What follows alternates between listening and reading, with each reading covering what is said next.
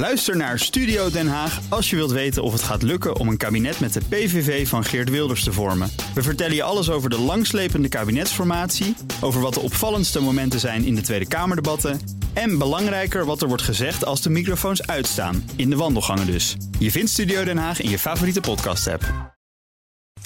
De column van Jaap Jansen. Nederland gaat aan stroperigheid ten onder, fulmineerde toenmalig VVD-leider Frits Bolkestein begin jaren 90. Hij had niets met polderoverleg van werkgevers en werknemers en met kabinetten die steeds maar weer advies vroegen aan de Sociaal-Economische Raad. Sociaal-economische rem, zeiden ze in de VVD. Dat houdt de vrije ondernemingsgewijze productie maar op. Ook die andere liberale partij, D66, moest weinig hebben van de polder. De politiek kon heel goed zelf besluiten, vonden de Democraten.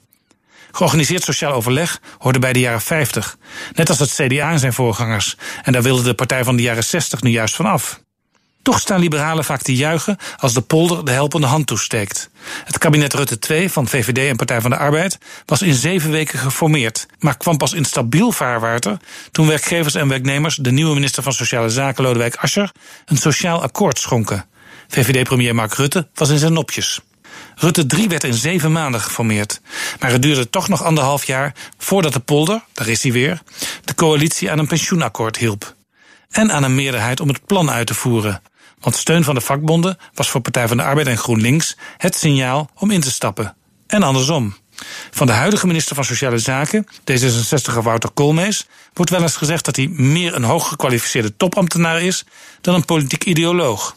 Hij heeft zich buitengewoon flexibel opgesteld, zei SER-voorzitter Mariette Hamer afgelopen week in de podcast Betrouwbare Bronnen. Koolmees heeft heel verstandig gekeken welke doelen wil ik realiseren en krijg ik daar draagvlak voor. Een ander instituut dat opgericht is in de naoorlogsjaren van de wederopbouw, het Centraal Planbureau, schoot eveneens te hulp. Door iets te veranderen aan de berekeningswijze van de arbeidsparticipatie kon op jaarbasis 4 miljard euro worden vrijgespeeld om de overgang van het verouderde stelsel naar een modern pensioen te overbruggen. Dankjewel, CPB. Ook liberalen zien dat het door hen zo bejubelde vrije spel der economische krachten problemen heeft opgeleverd. Het ontwijken van belastingen door de aandeelhouders van multinationals bijvoorbeeld. En het schenden van persoonlijke vrijheid door techreuzen als Google en Facebook. Ook in VVD en D66 hoor je, we moeten terug naar het Rijnlands economisch model, waarvan we waren vergeten hoe prettig het was. Als het niet kan zoals het moet, dan moet het maar zoals het kan, zei Koolmees verre voorganger, de christendemocraat Jan de Koning vaak. Die tekst zou in marmer moeten worden gebeiteld boven de ingang van de SER. Afgelopen week is opnieuw bewezen: de polder is geen stroop, maar smeerolie. En dat zei Jaap Jansen, onze columnist op donderdag. En wil u zijn column terugluisteren? Dat kan uiteraard net als alle andere columns van andere columnisten. Uh, en evenals de podcast te vinden op bnr.nl en in de BNR-app.